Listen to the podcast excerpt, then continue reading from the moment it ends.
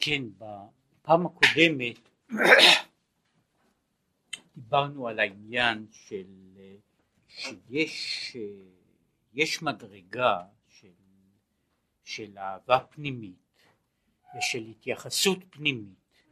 במדרגה הזו, באופן הזה, האדם נעשה בעצם אין לו אלא לב אחד, משום שכל הרצונות שלו, כל העניינים שבת, שבתוכו אינם מכוונים אלא לדבר אחד. לעומת זאת, בדרך כלל בני אדם נמצאים במצב אחר, גם במקרה שהם אה, עושים, אמורים לעשות, ומאמינים וחושבים זה בזה, עם כל אלה הם אה, מוגדרים בתוך, בתוך, ה, בתוך הגוף שלהם. והגוף קובע מצד אחד רציות, רצונות, כך שהאדם יכול לכפות את עצמו, יכול לכפות את עצמו מה שהוא קורא, התקפיה סטרה אחריו, הוא איננו יכול להפוך את כל הדברים מקצה לקצה, שאין לו אלא לב אחד לאביו שבשמיים, אלא הוא נמצא כמו שמתואר בין שני הלבבות של עצמו, בין דבר לדבר, בין רצון לרצון. והנה אמרו חז"ל, זה בדף פ"ד-ב בעמודה השמאלית סמוך לסוף. והנה אמרו חז"ל שאמרו השבטים ליעקב כשם שאין בלבך אלא כך אין בלב... כן אין בלבנו אלא אחד. וזהו העניין של שמע ישראל לפי מדרש מאוד מאוד עתיק שזהו שמע ישראל שישראל זאת אומרת בני יעקב אומרים לאביהם שמע ישראל כן? אבינו שהשם הוא אחד. עכשיו הוא מסביר בנקודה כפי שהוא הסביר אותה. כי יעקב הוא ישראל שהוא בחינה ומדרגה העליונה שאין לו אלא לב אחד לאביו שבשמיים. ומתענג על הוויה כן נזכר אם כן בשבילו אין בלבך אלא אחד משום שכל הלב וכל הרציות אינם אלא אחד. וכך השבטים שהם השבטים הם כללות הנשמות של ישראל עד סוף כל הדורות והם כוללים לא רק את צדיקי ישראל אלא גם בחינת הבינונים שהם למטה ממדרגה זו כמו שמוסבר המדרגה הזו של הבינונים היא המדרגה של האנשים שלעולם אינם מגיעים שיהיה להם לב אחד בלבד. זאת אומרת, יש תמיד אה, מהות חצויה בתוך עצמם. אף על פי כן אין בליבנו אלא אחד. אבל מהי הבחינה של אחד שלהם? זוהי הבחינת, בחינת התקפיה. שעל ידי זה נעשה גם כן גילוי הוויה אחד בכל לבבך ובכל נפשך והתלבשות מחשבה במחשבה. כן, יש אופן שבו כמו שאמרנו האדם מגיע לארץ טובה ורחבה.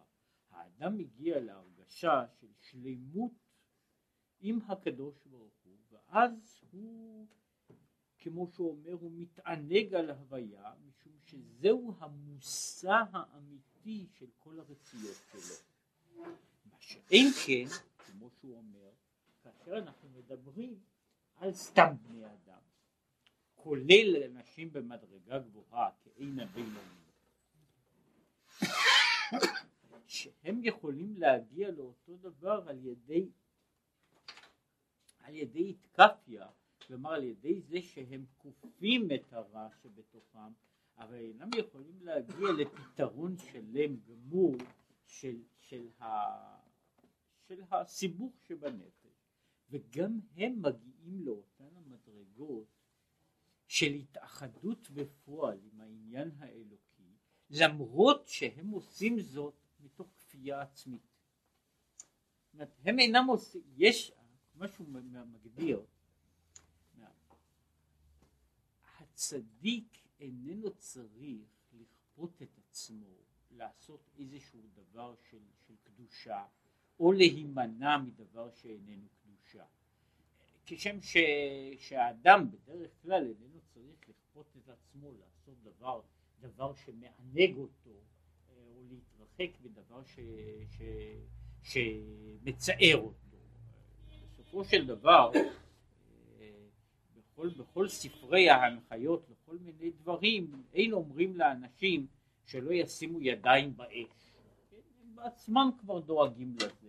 עכשיו בבחינה הזו הצדיק איננו צריך להנחיות של אה, בעצם, כן, של להזהרה שיעשה כך או לא יעשה כך, משום שהוא נמשך במהותו. לעומת זאת הבינוני הוא האיש שנאבק עם עצמו כדי להגיע למדרגה הזאת.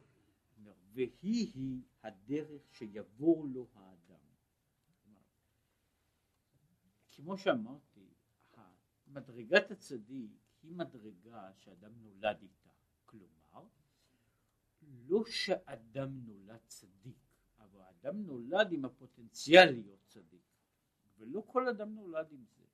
בעצם רק מעט אנשים נולדים עם הקישור, עם הכישרון המיוחד להגיע למדרגה הזו, גם אם יעבדו כל ימיהם. כן, מה יכול סתם אדם לעשות? להתבונן בעומק שכלו ותבונתו בשם אחד. כפי אשר תוכל נפשו שאת. וכאן אנחנו שוב נמצאים כמובן אנשים שונים במדרגות שונות אה, לא יכולים לשאת או להכיל אלא אה, כל אחד לפי המידה, לפי, לפי מידת עצמו.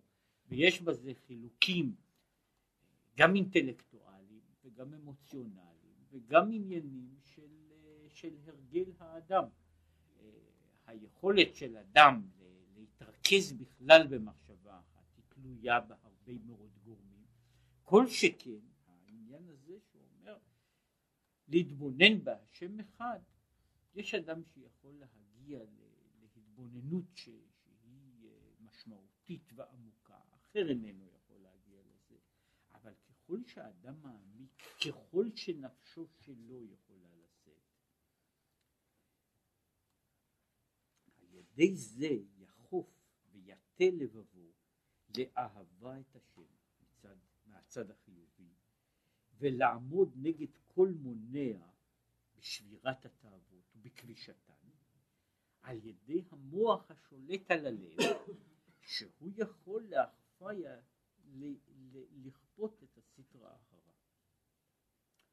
מזה אם יזכה יעלה ויבוא לבחינת התהפכה כן בשלב הראשון מה שכל אדם יכול לעשות הוא להתבונן בעניין האלוקי, להתבונן בו, להעמיק את מחשבתו, להיכנס אל תוכו יותר ויותר עד שככל שהוא יכול לשאת.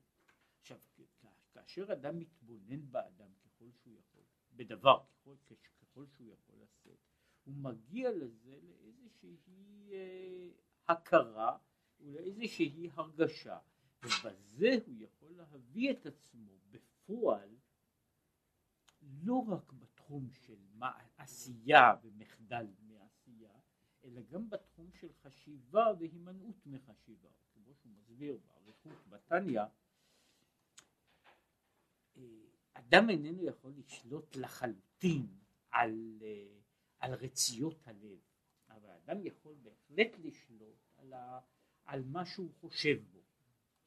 כלומר, אה, אדם יכול להחליט שהוא איננו רוצה לחשוב על נושא מסוים, וכשהוא מחליט שהוא איננו רוצה לחשוב עליו, כל פעם שהנושא הזה עולה, מן, על, עולה על הדעת, הוא עובר ל, לעניין אחר.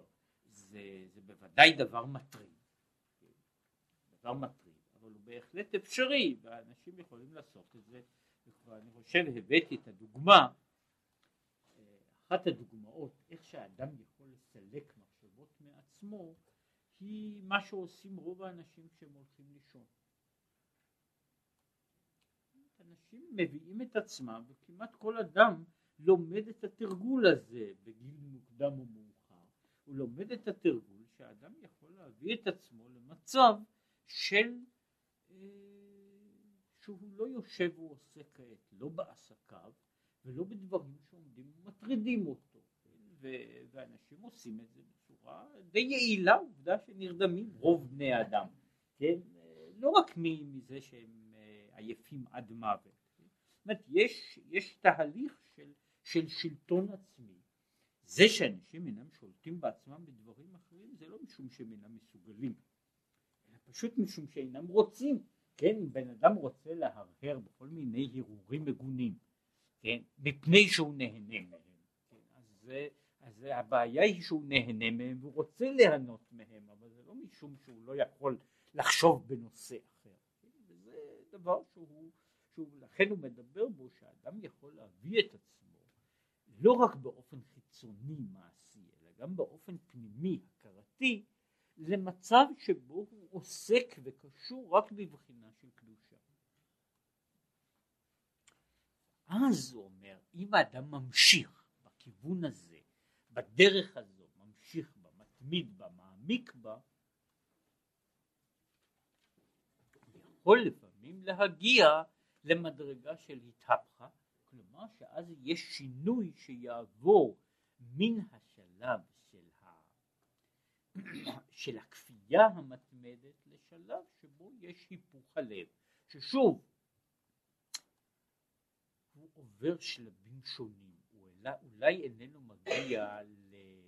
לגמר והשלמה, אה, בוודאי לא ביום אחד, מי שמצפה ש, ש, שיום אחד הוא ישב, ישב והתנהג יפה, הוא מקווה שביום השני כל הבעיות שלו תיפתרנה מיד, אז הוא אה, נאמר אופטימי מדי, כן, בדרך כלל זה לא הולך כל כך מהר, אבל כמו שרואים את זה, שוב בכל מיני תחומים, כל אדם יודע את זה ניסיון, אנשים נכנסים למצב מסוים, אנשים נכנסים למקום, למקום, לעבודה, לחברה מסוימת, והם מתחילים לחשוב באופן ידוע בדרך מסוימת, הם מתחילים לכוון את עצמם לפי אופן המחשבה הזה, ומתברר שאף על פי שבהתחלה זה יכול להיות עניין קשה מאוד, לאט לאט מגיעים, לא בשלימות, אבל במידה הגונה, למצב שבו אין, אינם צריכים להיאבק מאבק מתמיד בתוך עצמם. אפשר לראות את זה בעצם העובדה איך אנשים מתרגלים אה, למצבים לא סימפטיים, מצבים טרגיים ולמצבים אה, קשים מאוד שליבם אינם, אינו, אינו שלם איתו. זאת אומרת אחרי שהאדם נמצא במצב מסוים, בסיטואציה מסוימת, והוא יודע שאלה הן העובדות, אם כן אחרי זמן מסוים בדרך כלל הוא משלים עם מציאות חדשה, הוא בונה את עצמו לפי המציאות הזו. כך באותו אופן יש לנו הדרך שאומר שלאט לאט קורה שינוי בתוך האדם, והשינוי הזה יכול להביא שלפחות בדברים מסוימים הדברים הללו, דיברו עליהם הרבה, אדם יכול אה, במובן מסוים להרגיל את עצמו או להביא את עצמו למצב שנושאים מסוימים לא יהיו בתוך תחום המחשבה הפעיל שלו. שהוא יודע שדבר כזה וכזה איננו בא בחשבון. זה איננו דבר שהולך, אה, שנעשה, שנעשה מיד, אבל זה קורה אחרי זמן מסוים, והוא לא עניין של, אה, הוא לא עניין של פלא ונס, אלא זהו עניין של, אה, של מחשבה, מחשבה מתמדת, אפשר לראות את זה שאנשים עוברים ממקום או לחברה אחרת, והם אה, לומדים לאט לאט, לא רק, לא רק שהם לומדים להתנהג בדרך ידועה, הם גם מתחילים לחשוב בצורה מסוימת שלא, הוא לא צריך כל הזמן לשבת ולעשות שיקול הדעת מה לפעול במקרה מסוים. הדבר הזה נעשה כבר פשוט, לא עולה בדעתו כבר לעשות כך וכך וכך דברים. בסופו של דבר, שוב, אני רוצה להביא דוגמאות לדבר שנראה לכאורה אה, מתמיע, כן? אבל הוא לא, לא כל כך מתמיע.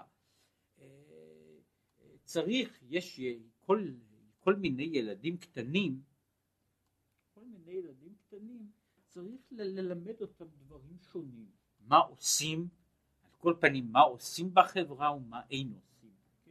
אוקיי? ויש הרבה ילדים שצריך במשך זמן מסוים להיאבק איתם, כן, שלא, שלא יחליט ללכת, ללכת ערום לגמרי.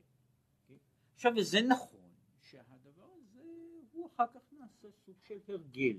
עכשיו הפיתוי של סתם אדם לעשות את זה בכל מקום ובכל שעה נעשה די קטן, כן? זאת אומרת לא כל אדם מרגיש את הפיתוי הזה כשבכל מקום שהוא הולך ברחוב אולי עכשיו צריך להתפשט. כן? לילד קטן זה יכול בהחלט לעלות על הדעת.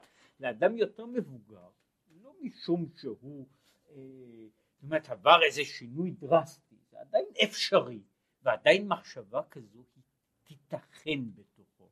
אין שום אה, כורח שמכריח את האדם שלא לחשוב אבל בדרך כלל הבעיה הזו לא עולה על הדעת.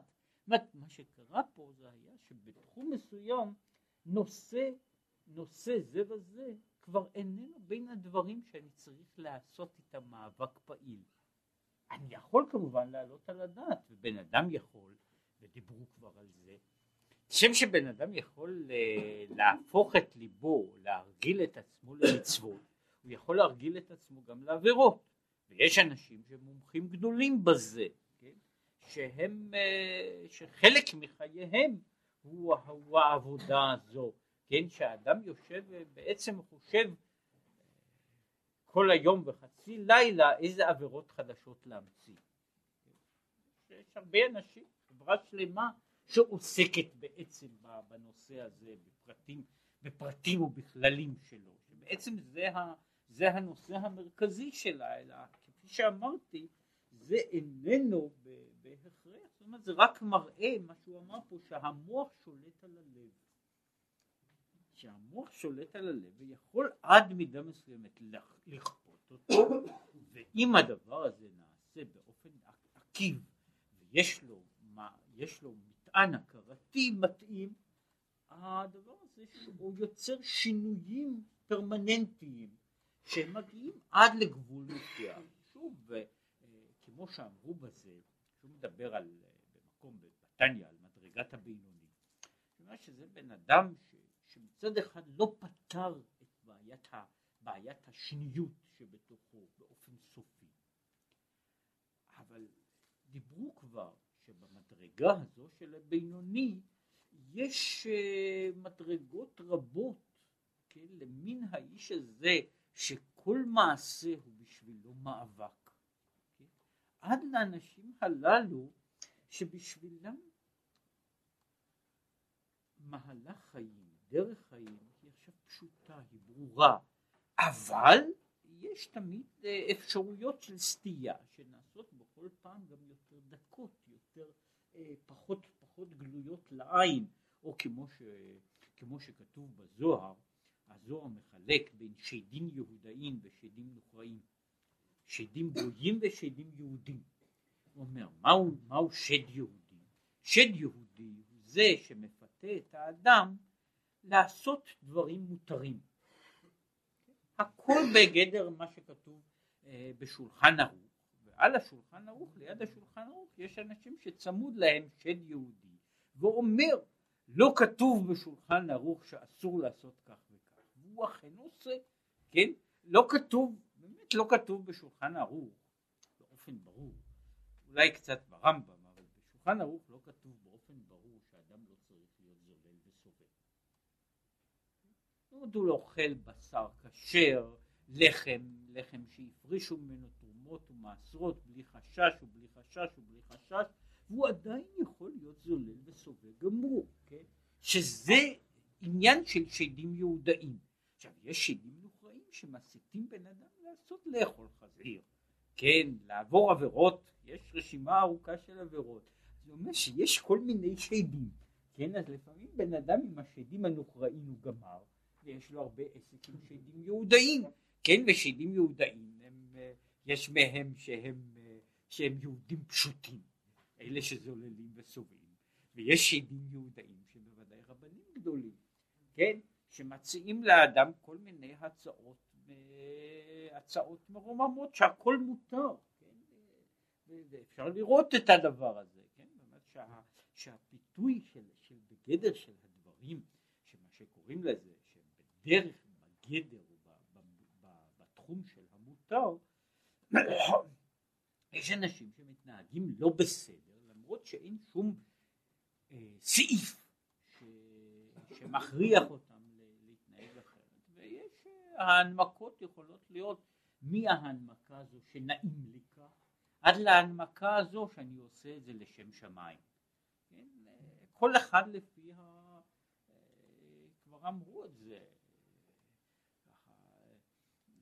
יש, יש אנשים ש, שהיצר הרע צריך להיראות להם באופן אחד כדי להיות משכנע, כן? ויש אחרים שהוא צריך להיראות להם בצורה לגמרי אחרת כדי להיות משכנע, כן? אה, אה, יש, יש אנשים שה, ש, שה, שהיצר שלהם הוא מאוד, אה, מאוד גולמי או מתמקד בדברים מאוד מאוד פשוטים, ויש כאלה שיש להם דברים, דקויות שבדקויות, כן? אה, יש אנשים ש, שיש להם יצר הרע של ענווה, של צניעות, של, אה,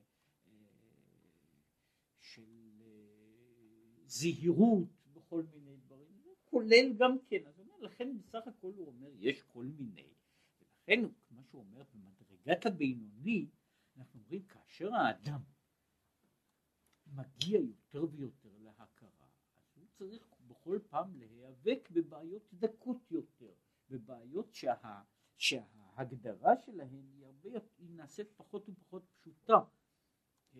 היא נעשית פחות פשוטה, משום שדברים אחרים כבר לא עולים בדעתו, אתם כבר לא נכנסים לתוך מעגל החשיבה הנורמלי שלו. ואז יהיה, כשאדם יגיע לנקודה של התהפכה, יהיה גילוי פנימיות נקודת הלב ויאר השם פניו. וזהו ואוזניך תשמענה דבר מאחריך. לאמור זה הדרך תלכו בו כי תאמינו וכי תשמאלו שמבחינת אחוריים דקדושה זאת אומרת מה שהוא מדבר על הדבר מאחוריך נמשך לאדם שיהיה לו דרך ומבוא לגילוי הוויה בפנימיות הוא באמת, זאת אומרת האדם הזה הולך עדיין בבחינה של אחרי הוויית הלך, בהליכה, בהליכה שאיננה כוללת את העונג על השם כשלעצמו, אבל אחרי זמן הוא יכול להתחיל לשמוע קול מאחוריו. עכשיו ולכן נקראת קריאת שמע קבלת עול מלכות שמיים. הוא מזכיר את זה, עול דווקא, שהוא בחינת התקפיה. קבלת עול מלכות שמיים, זאת מלכות שמיים איננה חייבת להיות בהכרח עול. יש גם מדרגה של מלכותו ברצון קיבלו עליהם. ויש עול מלכות שמיים, אומר, ובדרך כלל קריאת שמע, אומרת, מלכות שמיים היא עול מלכות שמיים, כלומר שהאדם מקבל על עצמו דבר שאין תוך ליבו, תוך נפשו, חושק בו. אחרי זמן הוא יכול להגיע למדרגה אחרת, וזוהי הבחינה של אחרי הוויה ילכו כאריה ישאג. יש ללכת אחרי השם, שיש ללכת אחרי השם, הוא מדבר על זה, וזה לא כאן המקום, שכן הוא מדבר הרבה יותר על, הפרובלמטיקה, יש בחינה של אחרי הוויה ילך. יש אופן שבן אדם אה, זוחל לו לאט לאט, מזדחל ונאבק על כל רגע. יש מצב שאנשים גם כן בבחינה הזו, אבל הם עושים את זה בהתעוררות, בשמחת לב. יש, יש, אה, יש דבר, ושוב, כאן הוא אומר, הוא תלוי הרבה מאוד בסדר העבודה ובמהות העבודה של האדם, עד כמה יכול להפנים את הדברים האלה שהוא, שהוא, שהוא עושה אותם. וככל שה, שהפעולה הזו, שאומר שהיא עבודת השם, הוא מדבר על זה, על העבודה במשמעות ה... כמעט המשמעות הפשוטה, המשמעות הזו של עבודה, של זיעה, כן, יגיעת נפש ויגיעת בשר, כמו שמתואר איך שאדם מתפלל. כן? יש, בוודאי קורה שיש אדם שהוא מתפלל והתפילה שלו היא כל כולה התרוממות הנפש. אני מדבר גם על תפילה שהיא יגיעת נפש ויגיעת בשר. זאת אומרת, בן אדם עומד לעמוד, לשמור על עצמו ולשמור את כוונת הלב, כן? בתוך מאמץ מתמיד, שזה שהאדם יכול אחרי זה להיות סחוט לגמרי באופן גופני, כן? משום שלהיות בריכוז במשך זמן ניכר זו, זו פעולה שהיא מעייפת, פיזית, וגם בהרגשה של, של, של באופן רוחני, שהאדם הגיע לעייפות מפני שהוא עמד, עמד על העניין הזה להגיע, להגיע לריכוז, להגיע להתעמקות. כל אלה פועלים את פעולתם, ככל שהאדם עבד יותר, נוצר יותר, נוצר יותר תוכן, והתוכן הזה מתעמק יותר. וכשהאדם איננו מתעמק בו ואיננו מתייגע בו, אז הוא באמת לא מגיע לדבר. והנה, עול זה שהוא דיבר עליו, הוא קבלת מידת מלכותו יתברך. זה הקבלה של המלכות האלוקית, העול. שהיא מלכות שמיים. עול מלכות שמיים. הוא אומר שיש פה דיוק במילים של עול מלכות שמיים, מלכות דווקא. כי הנה נודע כי אין מלך בלא עם. המלכות, מלך איננו מציאות בפני עצמה, איננו הוויה מופשטת. אומרת, מלך איננו יכול להיות לבדו. מל, מ, כדי שיהיה מלך זקוק, נחוץ בהכרח שיהיה עם. ועם הוא אומר, הוא מלשון גחלים עוממות. כלומר, עם, וזה, יש לזה, שוב, מערכת גדולה של, של הסברים וגם גם לשוניים, שהעניין הזה של עם, הוא לא, הוא מדבר דווקא על אלה שהם רחוקים, שהם אינם שייכים ואינם שייכים למלך, כמו שהוא מסביר במקום אחר,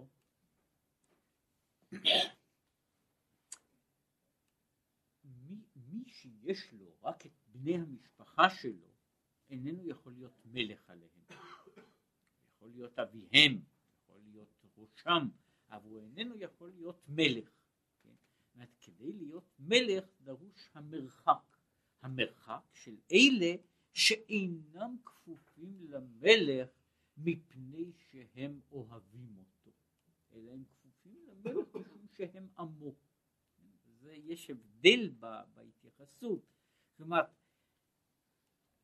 מי שהוא אוהבו של המלך, בצד מסוים, בצד מסוים, על זה מדובר בצד אחר, הוא איננו מעמו של המלך, הוא נכנס לקטגוריה אחרת. ויש באיזה מקום, הוא מדבר על הבעיה הזו של, שיש, כשם שיש, אנחנו אומרים את זה בתפילות, בתפילות של, של, של ראש השנה והלאה, עם כבנים, עם כעבדים. יש אה, הרבה מאוד מעלות ביחס של בנים, אבל יש גם מעלות ביחס של עבדים. יש דברים מסוימים שהעבד יש לו מעלות מצד, ה, מצד, מצד עבודתו, מצד היחס שלו, שאין, שלא יכול להיות בשום בן. מדובר על העניין הזה, אבל אני אומר שבעצם העניין, העם מוגדר במידת הריחוק, בזה שהעם איננו קשור למלך, בזה שהעם בעצם הוא דבר לעצמו. ואין זה אלא, כמו שכתוב, להודיע לבני האדם גבורותיו וכבוד הדר מלכותו. שלהיות כבוד הדר מלכותו, זאת אומרת כדי שיהיה דבר כבוד הדר מלכותו, שמלכותו של השם תופיע בעולם, הן הן גבורותיו וצמצומים רבים ועצומים, להעלים ולהסתיר אור אינסוף ברוך הוא, שיהא העולם נראה יש ונפרד, ושיהיה עם עוממות, כדי שיהיה שמו נקרא. כדי שיהיה כבוד הדר מלכותו, הקדוש ברוך הוא צריך שיהיה מישהו שרחוק ממנו. המלכות האלוקית איננה יכולה להתגלות אלא על הרחוקים ולא על הקרובים. כדי שתהיה מלכות יש, יש הכרח שיהיה מרחק. אם כן צריך להיווצר מרחק כדי שתוכל להיות מלכות. אם אני רואה עין בעין את כבוד השם, אין כאן מלכות אלוקית. יש פה כל מיני דברים אחרים, אבל אין כאן מלכות. זאת כדי שתהיה מלכות זה, זה דרוש שייווצר הדיסטנציה. כי באמת, כל הקמי כלחשיב, ולכן אם, אם היינו רואים את, ה, את המהות האלוקית, איך שהיא חודרת את המציאות, ואין עוד מלבדו, כל השאלה הזו המלך והעם לא הייתה קיימת. שהרי כמו שאמרנו, קבלת עול מלכות שמיים, עול מלכות שמיים, קבלת השלטון, הצו האלוקי, היא לא תיתכן אלא כאשר אני צריך לקבל פקודה, אני צריך לקבל צו. כאשר הדבר הזה נראה לי לפני עיניי ואין עוד אפשרות אחרת לנטות ימין ושמאל, שם אין, אין בעיה של מלכות. שם העולם הוא לגמרי אחר. כן, צריך כדי, ש, כדי שיהיה הדבר הזה, זה העניין של ה... כדי שיהיה כבוד הדר מלכותו צריך קודם לכן אה, להודיע לבני האדם גבורותיו, שהם הצמצומים, מה שקורה מידת הדין, הגבורה, הצמצום, כדי שייווצר העם. אומר, שתי, שתי, זוהי המדרגה של מעלה, שהמלכות דורשת את הגבורה. והתערותא דלתתא, והתערותא דלעיל הזו של המלכות, צריך להיות בהתערותא דלתתא גם כן. כשם שההתעוררות של מעלה, כלומר המלכות של מעלה נובעת, הצמצום יכול ליצור את המלכות, כך ב- ב- בלמטה יש אותו דבר. בחינת צמצומים צריך להיות גם כן בהתערותא דלתתא צמצומים והסתלקות, כלומר יצירה של מרחק. והן הן בחינת גבורות האדם להתגבר נגד כל מונע בסור מרע. ולא תטורו אחרי לבבכם, עוצם עיניו מראות ברע. כן, כל אלה הן, אומר, כדי שהמלכות תתגלה, גם האדם צריך להשתמש בגבורותיו, כלומר בכוח שלו לצמצם ולהגביל. עכשיו הצמצום וההגבלה הזו, מה שהוא קורא לזה כוח הגבורה של האדם כדי לבנות את המלכות הוא כפול. הוא מצד אחד ההימנעות מרע בכל דרגה שלה, ובבעשה טוב יש גם כן העניין של הגבורה וההתגברות, כמו שאמרו אינו דומה, אינו דומה שונה פירקו מאה פעמים למאה פעמים ואחד. כן? והוא אומר שהאיש הזה, כך כתוב בגמרא, שההבדל בין עובד אלוקים לאשר לא עבדו הוא שמי שלא עבדו זה זה ששונה פרקו מאה פעמים. עובד אלוקים זה שמי ששונה פרקו מאה פעמים ואחד. וכמו שהוא מסביר, יש לזה רשימה ארוכה של הסברים שונים, אבל מה שהוא מסביר אומר ככה, שהוא נקרא עובד אלוקים מפני אחת הרגילה, היתרה על הרגילות. אומר, אם בן אדם התרגל לשנות פרקו מאה פעמים, ברגע שהוא התרגל הוא כבר לא עובד אלוקים. מתי הוא נקרא עובד אלוקים? כאשר אחרי שהוא למד, הוא כבר רגיל מאה פעמים ובשבילו חלק מה, מה, מה, מהווי החיים שלו. אז הוא לומד עוד פעם אחת נוספת. ובפעם הזו הוא נקרא עובד אלוקים. כלומר עובד אלוקים, כמו שהוא מגדיר, הוא המאמץ המתמיד של התגברות.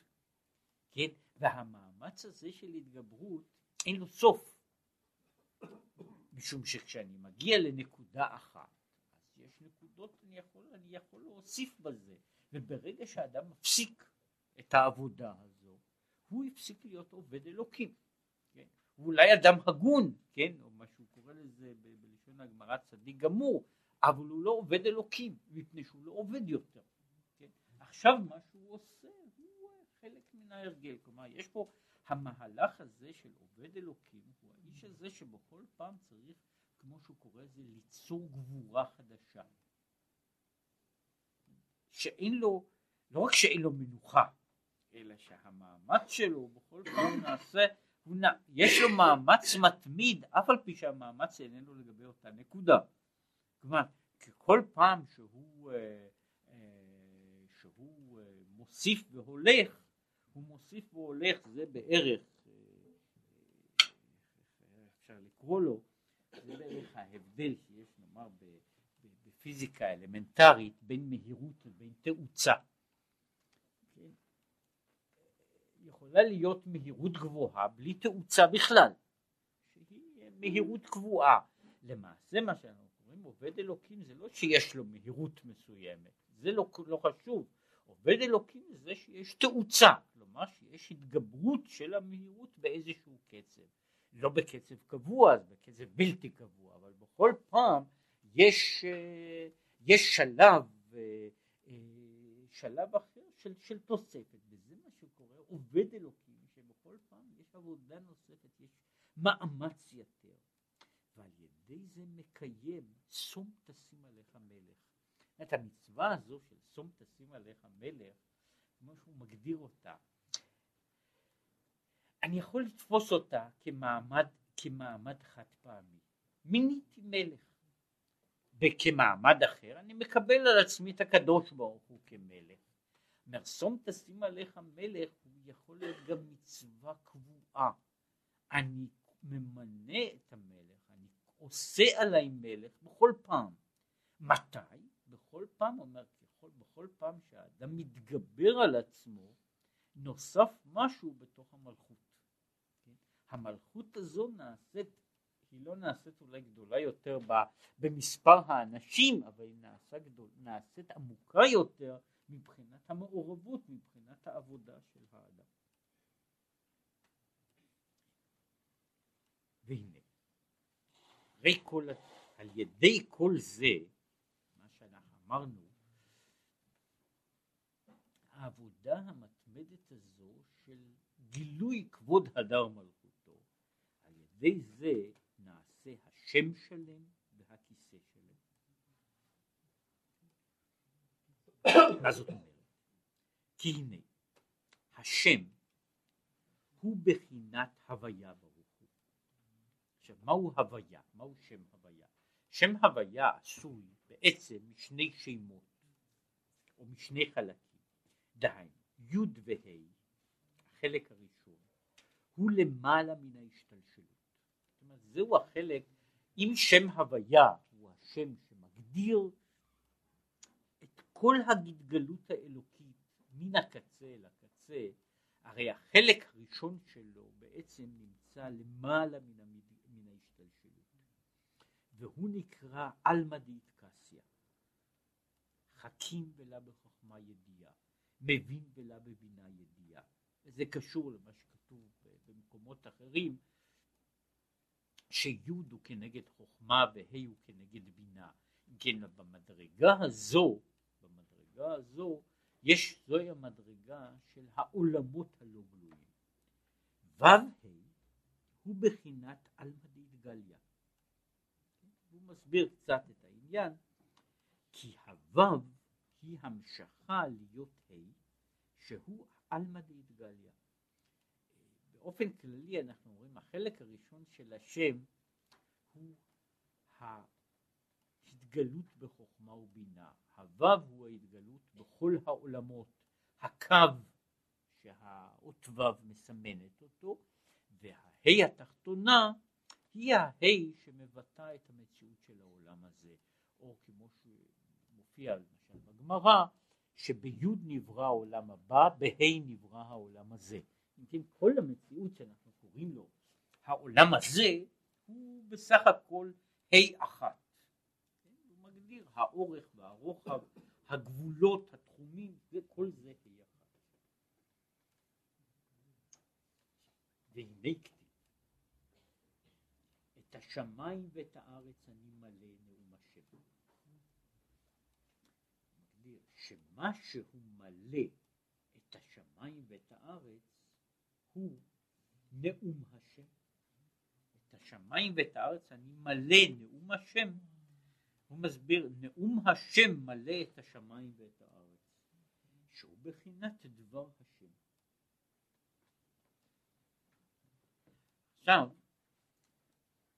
בשביל כל הביאור של העניין הזה, בכל, בכל ההיקף שלו, זה למשל שער הייחוד והאמונה בתניא, שם בעצם הנושא המרכזי, כמעט העיקרי של כל זה, הוא על הדיבור דבר השם שהוא החיות החיים של כל המציאות. שדבר השם לא רק עובר בתוך המציאות, כמו שהוא במקום אחר, כלומר שדבר השם מהווה או יצר את המציאות, המאמר האלוקי, אלא שדבר השם הוא, החי, הוא בעצמו חייה של המציאות, שכל המציאות של העולם איננה אלא האופן שבו דבר השם אה, נמצא בתוך העולם.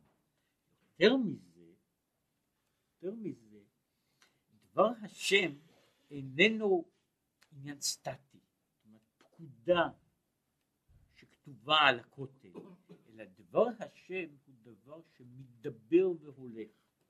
זאת אומרת, השם בורא את העולם במאמר, עכשיו כמו בבריאתו הראשונה. המאמר האלוקי, זאת אומרת השם מדבר, אה, זה לא רק שהוא אה, אמר ויהי, כן? אלא במובן אחד הוא אומר ומהווה, הוא אומר ומהווה את המציאות של העולם. עכשיו זהו דבר השם שמלא את כל המציאות. ומדוע השם מדבר? זהו על ידי התערותא דלתתא. יש, אה, במובן הזה אומר, השם מדבר עולם. הוא אומר והוא, הוא אומר ומהווה עולם. הוא אומר ויוצר את המציאות. אבל הוא אומר במובן מסוים להעמיד את זה לא, לא בלשון שלו, אבל באופן אחר, הקדוש ברוך הוא מדבר מפני שאנחנו לפחות מקשיבים. וברגע שאנחנו מפסיקים להקשיב, אז הקדוש ברוך הוא לא רוצה לדבר יותר. כן? יש העניין הזה של הדבר האלוקי, הדבר האלוקי הוא העניין הזה של ה... השם מדבר ויוצר את העולם. כשהוא מדבר ויוצר את העולם, העולם, העולם צריך לפחות להקשיב. וזה מה שהוא מפרש את השם האמרת היום. אז הוא מפרש האמרת בתור הפעיל של אמר, כמו פי הדקדוק, בסדר גמור, אבל הוא מפרש אותו האמרת, אתה עשית אותו אומר. את השם האמרת, אתה עשית שהוא יהיה אומר. ובמובן מסוים זה, זה, יוצא, זה יוצא טוב מאוד עם העניין הזה של שמע ישראל. אם אני רוצה שהקדוש ברוך הוא ידבר, אני צריך לשמוע. כן? ולפעמים מפעם לפעם אני גם כן צריך לענות משהו? אבל העניין הזה של האמרת, אני גורם שהקדוש ברוך הוא יאמר. זו העבודה, וזה איך הוא נעשה. היינו, על ידי גילוי הוויה אחד בכל לבבך ובכל נפשך, וכמו שהוא הסביר, בכל לבבך ובכל נפשך ובכל מאודיך, שהוא התלבשות מחשבה במחשבה, דיבור בדיבור, בדיבור, מעשה במעשה. זאת אומרת, אני יוצר, אני מכניס את, את הדיבור, את הדבר האלוקי, אל תוך, אל תוך האני שלי, אל תוך המציאות שלי. זהו והוא גילוי הוויה למטה בלב כמו למעלה במוח. בעצם אומר התהליך הזה שהוא קורא לו התהליך של ההתבוננות שהוא לא התבוננות, הרי מגדיר אותו כמה וכמה פעמים. אומר, יש תהליך של התבוננות שהוא התבוננות, אחר כך נדבר בה, התבוננות מחוצנת. התבוננות שבה אני מסתכל על דבר בזמן ש... ואינני מגיב. יש דבר כזה וכזה, בסדר. יש, אה, אה, יש, יש לנו דברים בעולם שאנחנו לומדים או, או, או חיים בתוכם, שאני רואה אותו. אני אפילו יכול לחשוב בעניין הזה, וזה, אני מציין עובדה, אני דן בנושא הזה, פתרתי בעיה מסוימת, כן? זה לא נוגע לי, אלא, אלא כ, כ, כמחשבה, כמחשבה בלבד. זהו דבר שהיה תהליך שקורה רק במוח ואיננו קורה בלב. כן? אה, שוב, לקחת לא דוגמה טובה. אה, קורה ש, שמישהו שאין לו שום עניין אמוציונלי בדבר, כן, רואה שעובר עכבר בבית. כן? אז יש לו ציון, ציון מחשבה עובדתי, כן, שעבר עכבר. כן? עכשיו יש אנשים שעכבר הוא בשבילם משהו שיש לו, שיש לו מעורבות אמוציונלית, כן? כזו או אחרת, וכשהוא רואה שה...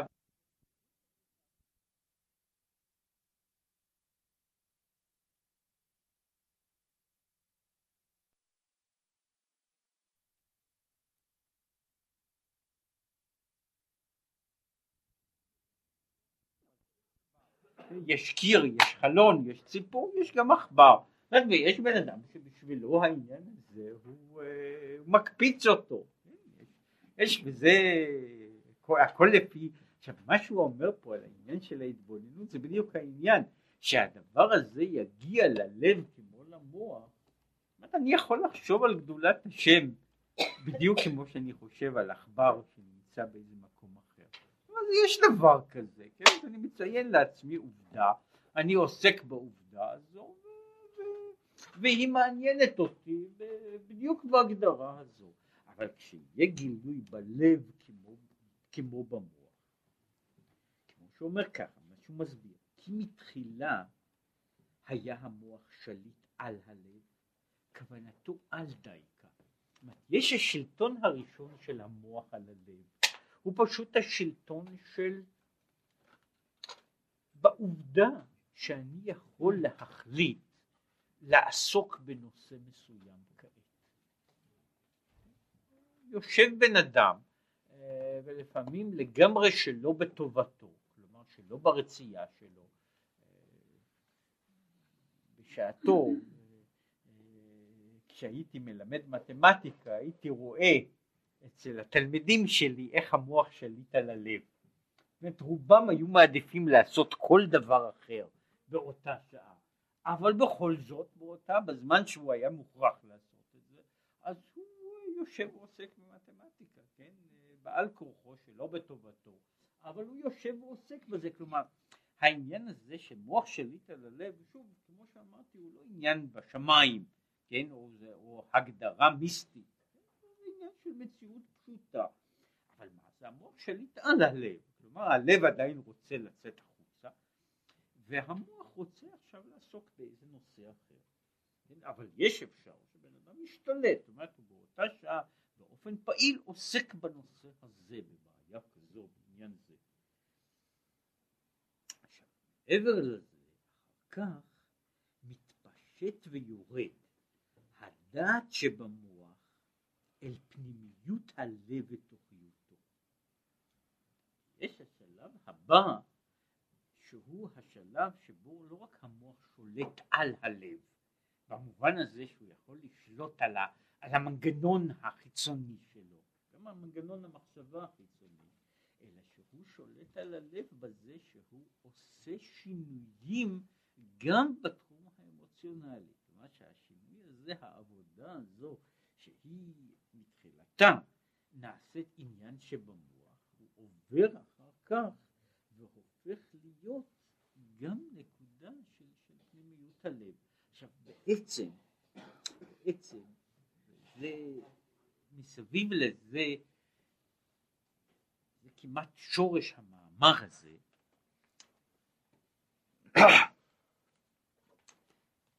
כל מה ששייך לחלק או לעניינים ששייכים להגדרות התיאורטיות, אלה הם דברים שניתנים ללימוד פשוט או ללימוד מורכב, אפשר ללמוד אותם. אפשר ללמוד אותם, ואם אדם רוצה בכך הוא יכול לשבת ולעסוק בהם. הנקודה החמורה היא בעצם נקודת המעבר.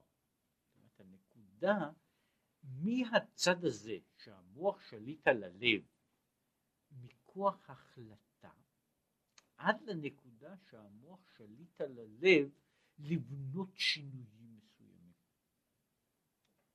עכשיו המעבר הזה שקוראים לו המעבר מן המוח אל הלב הוא בעצם אה, נקודת התורפה של כל סדר העבודה האנושי.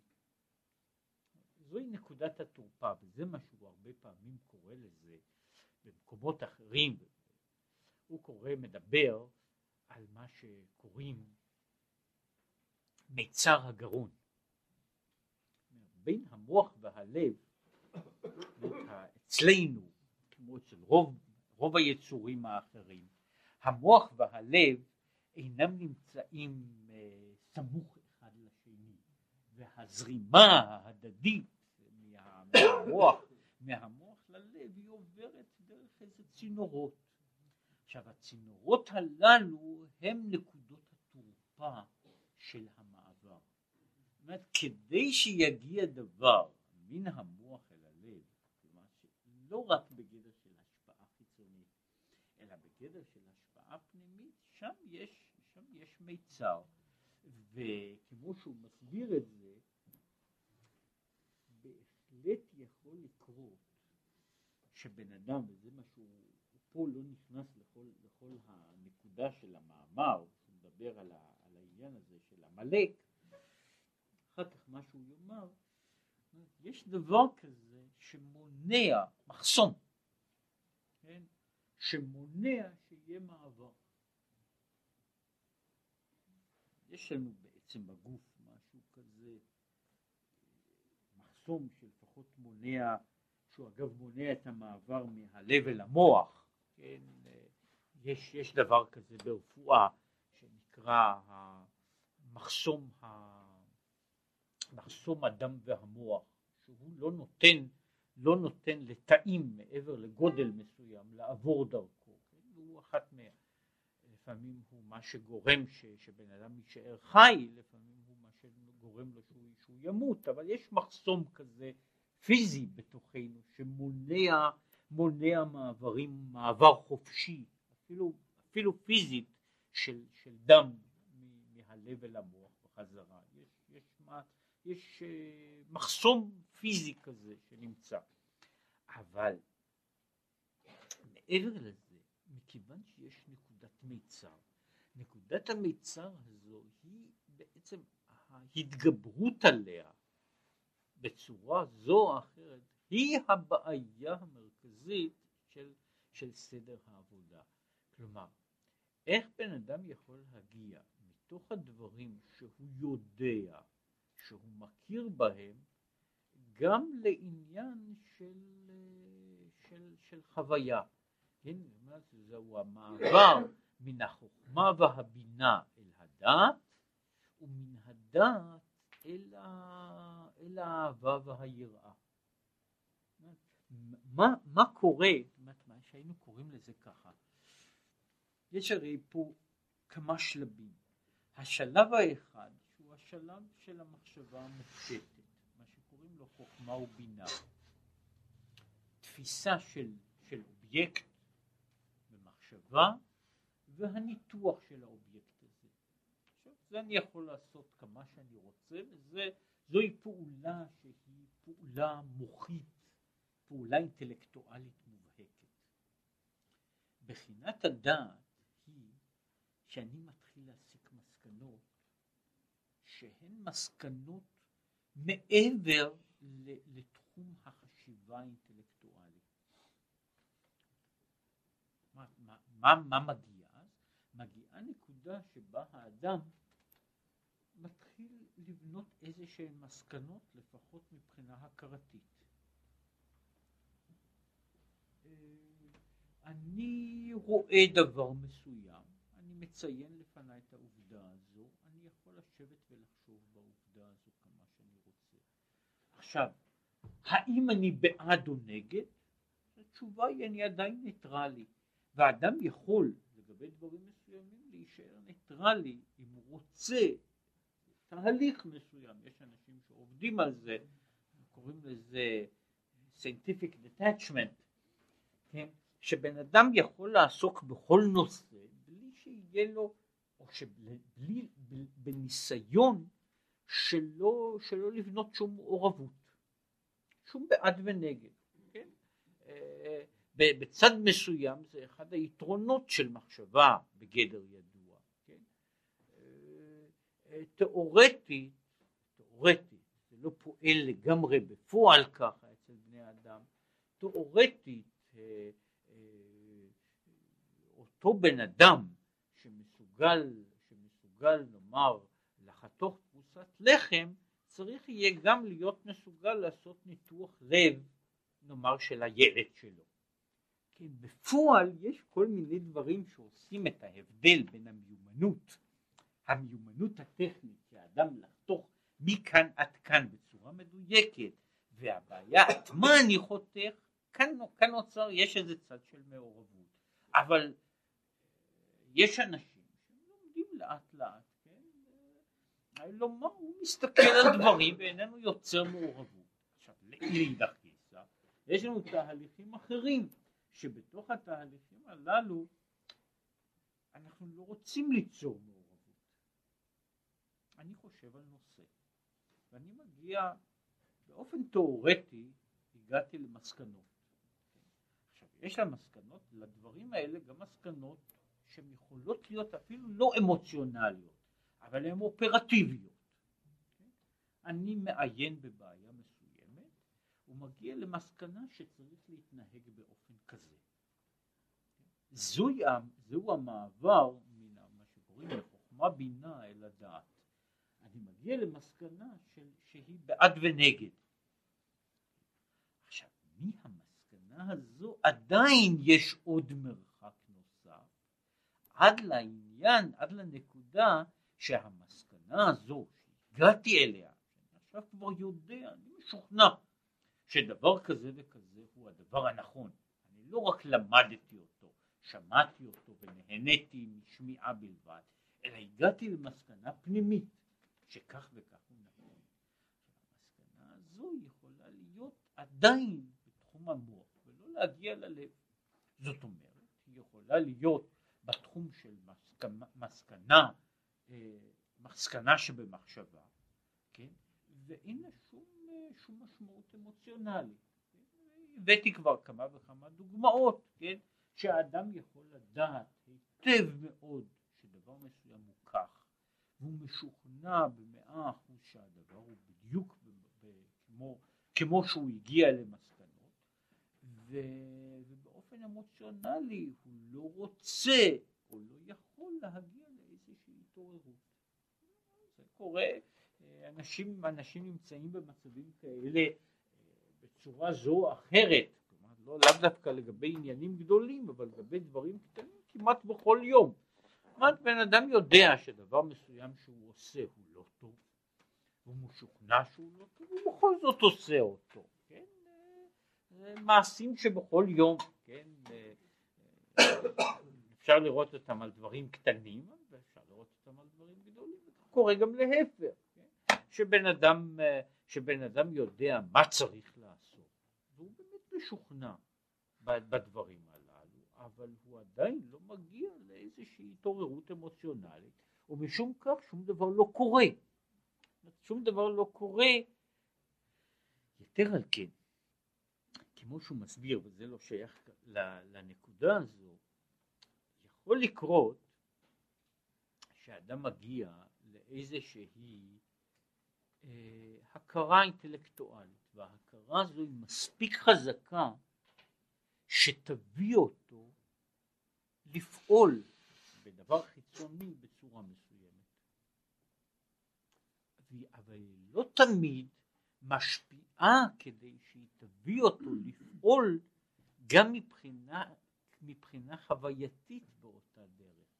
כלומר, אני יכול להגיע למסקנה שדבר מסוים הוא לא טוב, הוא מסוכן, הוא לא בריא, ואני מפסיק, לי, מפסיק מלהתעסק בו. כן? אבל זה עדיין לא משנה זה שאני עדיין רוצה. כן? זה שאני לא, יש שלב, אני רוצה משהו מסביר, יש שלב שבו בן אדם לא רק מגיע למסקנה שדבר הוא לא טוב, אלא הוא מגיע למסקנה הזו מקבלת, מקבלת משמעות אמוציונלית. היא מקבלת משמעות אמוציונלית ואז אני מתחיל, אני מתחיל ליצור רגש, כן? אני מתחיל ליצור רגש והרגש הזה מונע, עכשיו יוצר, משנה גם את החוויה שלי. אני אקח דוגמה שהיא שוב מהעולם הזה, חלילה לא לדבר על עולמות עליונים.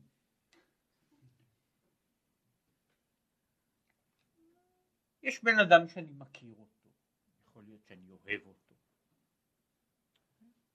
ו...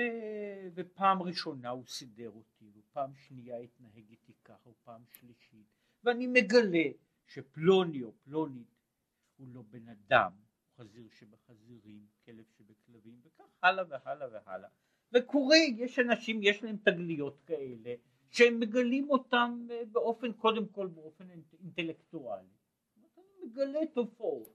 אחרי שאני מגלה את התופעות, אני מגיע למסקנה שפלוני או פלונית אה, היה ראוי לנתק מגע איתם. ואנשים לפעמים פועלים קורה הוא, אני רוצה להסביר, כאן אנשים יכולים לראות את זה, לפעמים קורה שאני מנתק מגע למשל מאדם מסוים, מנתק מגע, מפני שאני הגעתי למסקנה שהיחסים שלי עם פלוני הם יחסים הרסניים ולא טובים ולא בריאים.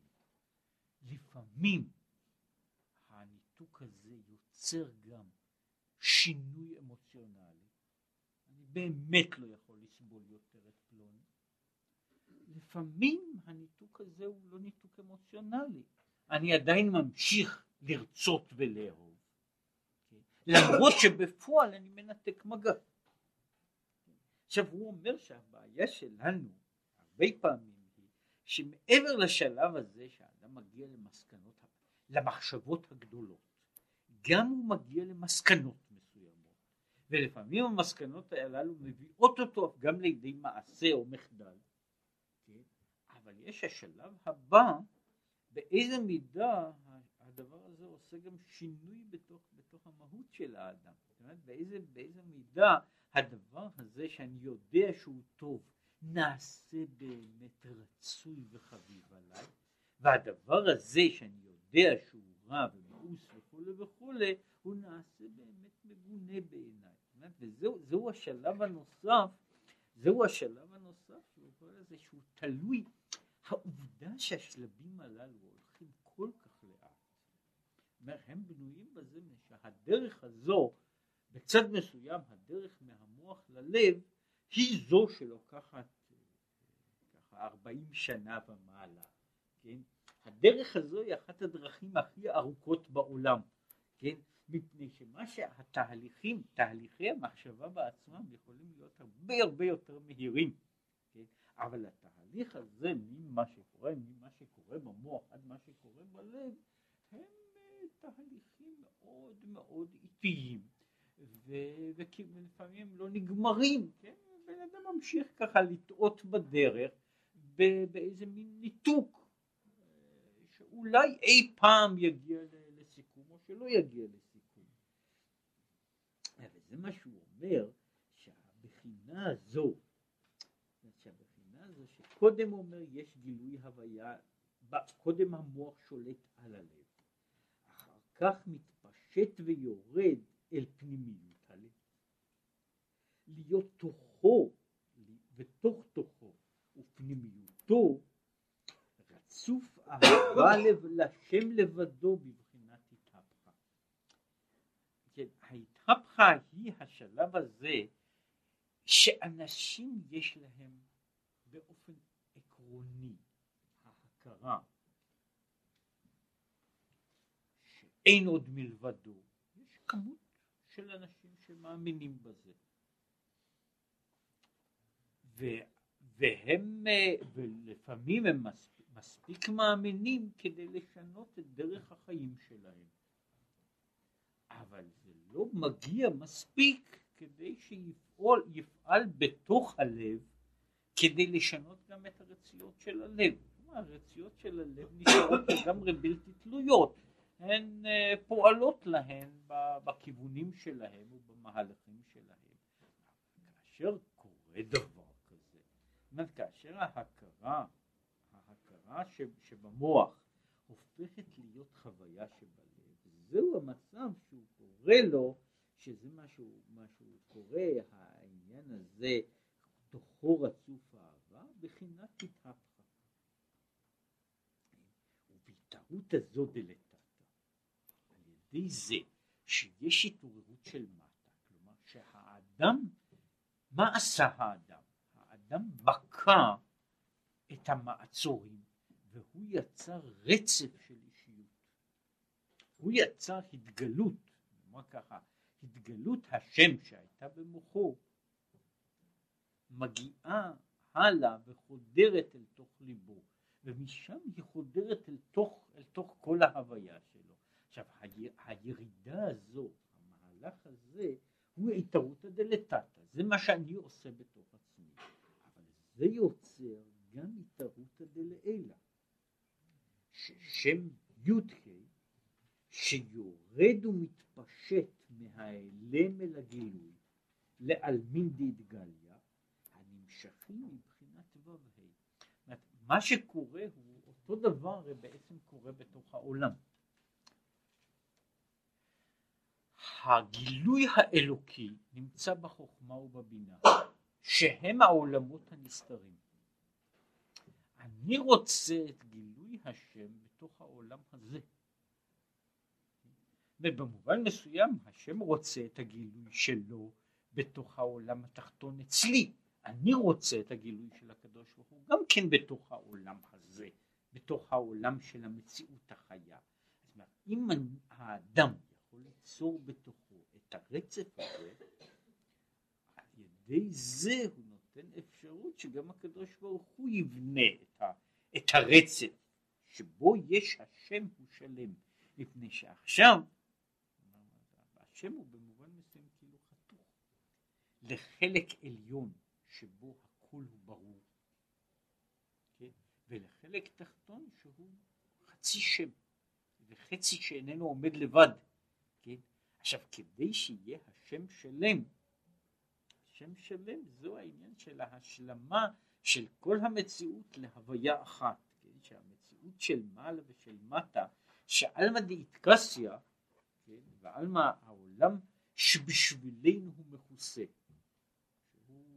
העולם האחר, העולם שבשבילנו הוא נגלה, שיהפכו להיות הוויה אחת, כן, בשביל זה יש, יש עניין של בקיעה של כל המעצורים, של כל, ה, כל, ה, כל הרקיעים שבדרך.